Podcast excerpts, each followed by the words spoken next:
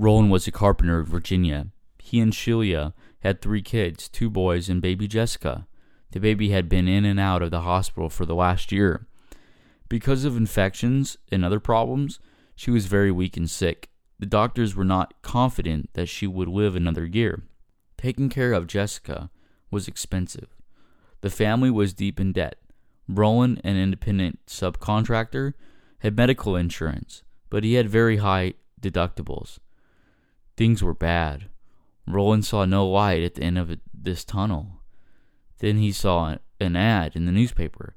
Security guards, contract workers wanted $100,000 a year, first $80,000 tax free, $20,000 bonus for extending contract an extra year.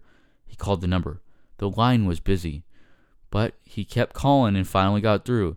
He was worried that the job were all taken, but they told him plenty of jobs were still available. They said they would give him two weeks of training in Texas.